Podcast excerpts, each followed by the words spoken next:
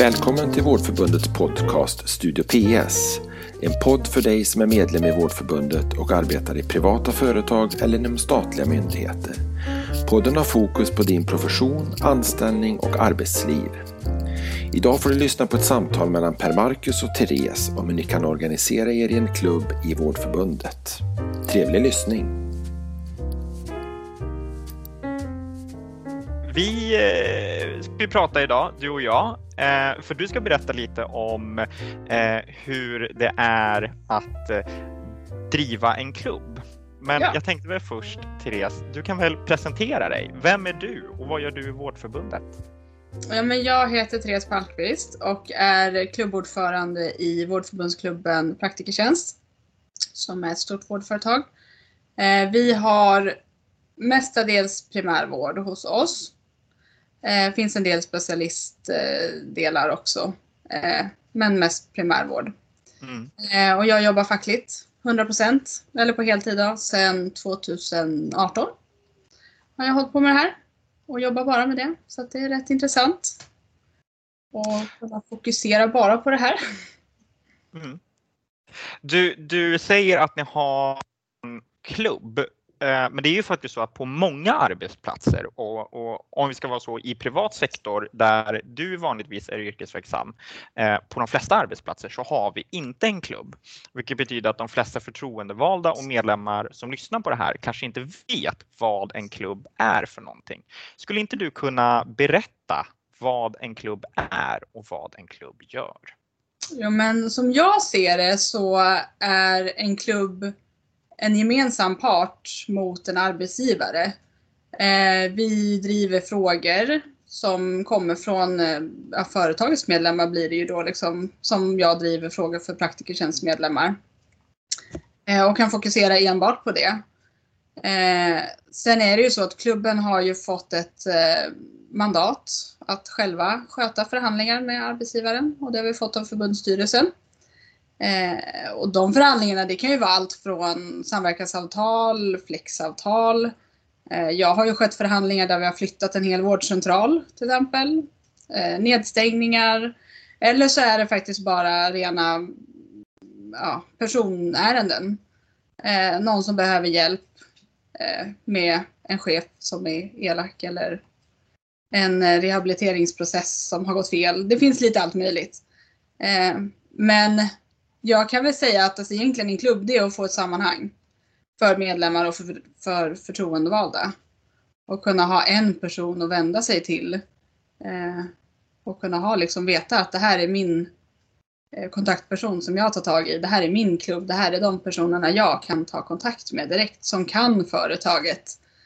Eh, som vet vad företaget jobbar och hur det fungerar och hur det är uppbyggt. Så man kan få mer direkta svar. Du nämner ordet sammanhang. Varför är det viktigt att vi i det fackliga arbetet har ett sammanhang? Jo, men ja det är ju för, alltså jag ser det som att eh, har vi ett sammanhang gentemot en arbetsgivare så kan vi ju ta oss mycket längre. Eh, för tillsammans så är vi starka.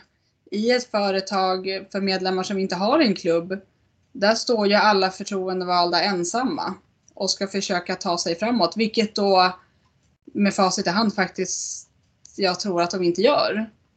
Utan det är lite så här små saker eller man tycker att allting är jobbigt eller tråkigt. Mm. Men har man en klubb så kan man ju liksom direkt driva de frågorna tillsammans. Tillsammans är vi starka helt ja. enkelt. Ja, Precis. det är bra att höra. Vad glad jag blir. Ja. Um, om någon eh, eh, medlem eller förtroendevald nu eh, sitter där ute och känner fan det här sammanhanget vill jag ha. Jag vill att vi ska bli starkare på min arbetsplats för att driva eh, min professions intressen. Vad, vad är dina tips för klubbbildande då? Mm, det första tycker jag att man ska börja med att höra sig för runt bland sina kollegor och titta efter finns det några andra som man kan dra tag i Eh, sen kolla liksom utåt i koncernen eller i företaget och titta vad har jag flera medlemmar? Vad har jag andra personer som man liksom kanske också är, tycker att det här eh, skulle vara roligt? Och det kan ju också vara icke-medlemmar vilket då kan leda till en rekrytering av en medlem som sen kan bli förtroendevald, som sen kan tillsammans bilda klubb. Så det finns ju jättemånga vinster i det. Eh, men jag tycker att man ska börja med att höra sig för. Eh, och kolla runt och, och försöka samla ihop ett gäng eh, som är intresserade, som är engagerade. Eh, och sen kontakta Vårdförbundet för att få hjälp med hur man går tillväga sen. Eller i alla fall er på privat sektor. Exakt, det Ja. finns ju ett helt kansli som står redo.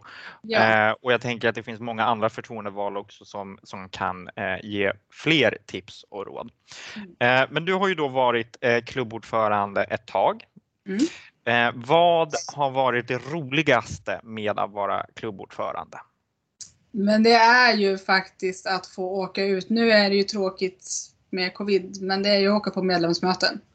Åka ut och hälsa på arbetsplatser och se hur de jobbar. Eh, vad som funkar bra, vad som funkar dåligt. Det är jätteviktigt för mig känner jag att ha en insikt i eh, så många arbetsplatser som jag bara kan. Dels för att kunna se vad har funkat bra här och vad kan vi implementera i andra verksamheter. För som sagt, vi är ett företag, det är ett jättestort företag på 9000 medarbetare i praktikertjänst. Och det var dumt att uppfinna hjulet igen. Har vi någonting som funkar bra på ett ställe så kan vi använda det på andra ställen. Eh, och just för att kunna få ihop medlemmar att liksom, ni finns tillsammans, vi är fler, ni är inte ensamma. Även fast ni liksom är en liten vårdcentral ute på landet så är ni inte ensamma. Mm. Eh, Sen är det ju, jag tycker ju att det är rätt roligt att sitta. Jag sitter ju som um, suppleant i bolagsledningen också i praktikertjänst. Och bara det också har gjort att jag har fått en större insikt i hur företaget fungerar. Eh, Praktikertjänst är ett rätt komplex företag för de som inte känner till det. Eh, hur det är uppbyggt med aktieägare och allt, praktiker och hej och hå. Men det roligaste är, det är att ha kontakt med medlemmar och prata med folk. Gå ut och prata, gå ut och rekrytera. Det är det jag tycker är roligast.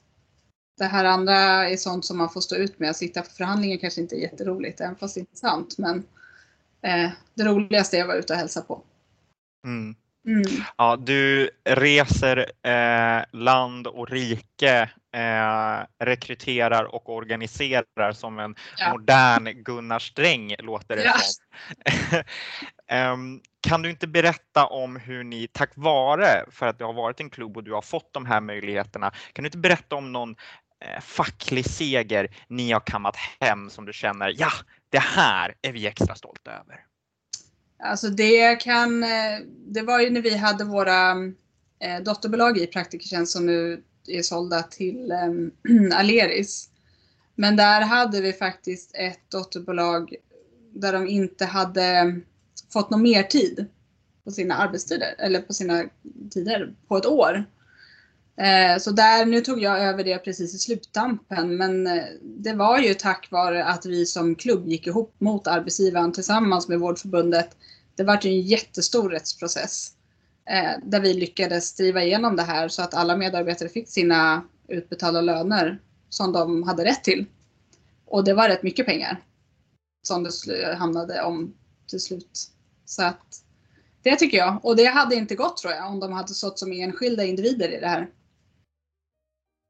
Ja, jag kan tänka mig att eh, de medlemmarna som, som eh, fick tillbaka de här pengarna tjänade in sin eh, medlemsavgift väldigt snabbt där helt enkelt.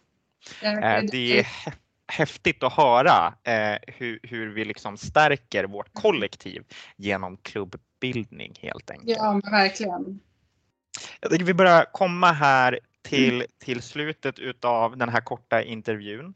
Mm. Eh, Men innan vi avslutar så vill jag ändå att du som den eh, fackliga pionjär du ändå är, har du någon sista hälsning till alla medlemmar och förtroendevalda som lyssnar på det här? Jag tycker att ni alla där ute gör ett fantastiskt jobb. Nu sitter jag här bakom min eh, skärm hemma och jobbar, men ni andra som är ute på golvet, ni är fantastiska och ni ska ha en stor eloge för det ni gör. Och jag hoppas att det här snart ger sig så att vi alla får, eller ni alla får hämta er. Jag kan eh, verkligen inte göra något annat än att instämma i det och samtidigt eh, påminna mig själv eh, om allt arbete våra eh, otroligt duktigt förtroendevalda gör för att se till att vi faktiskt ska klara det här.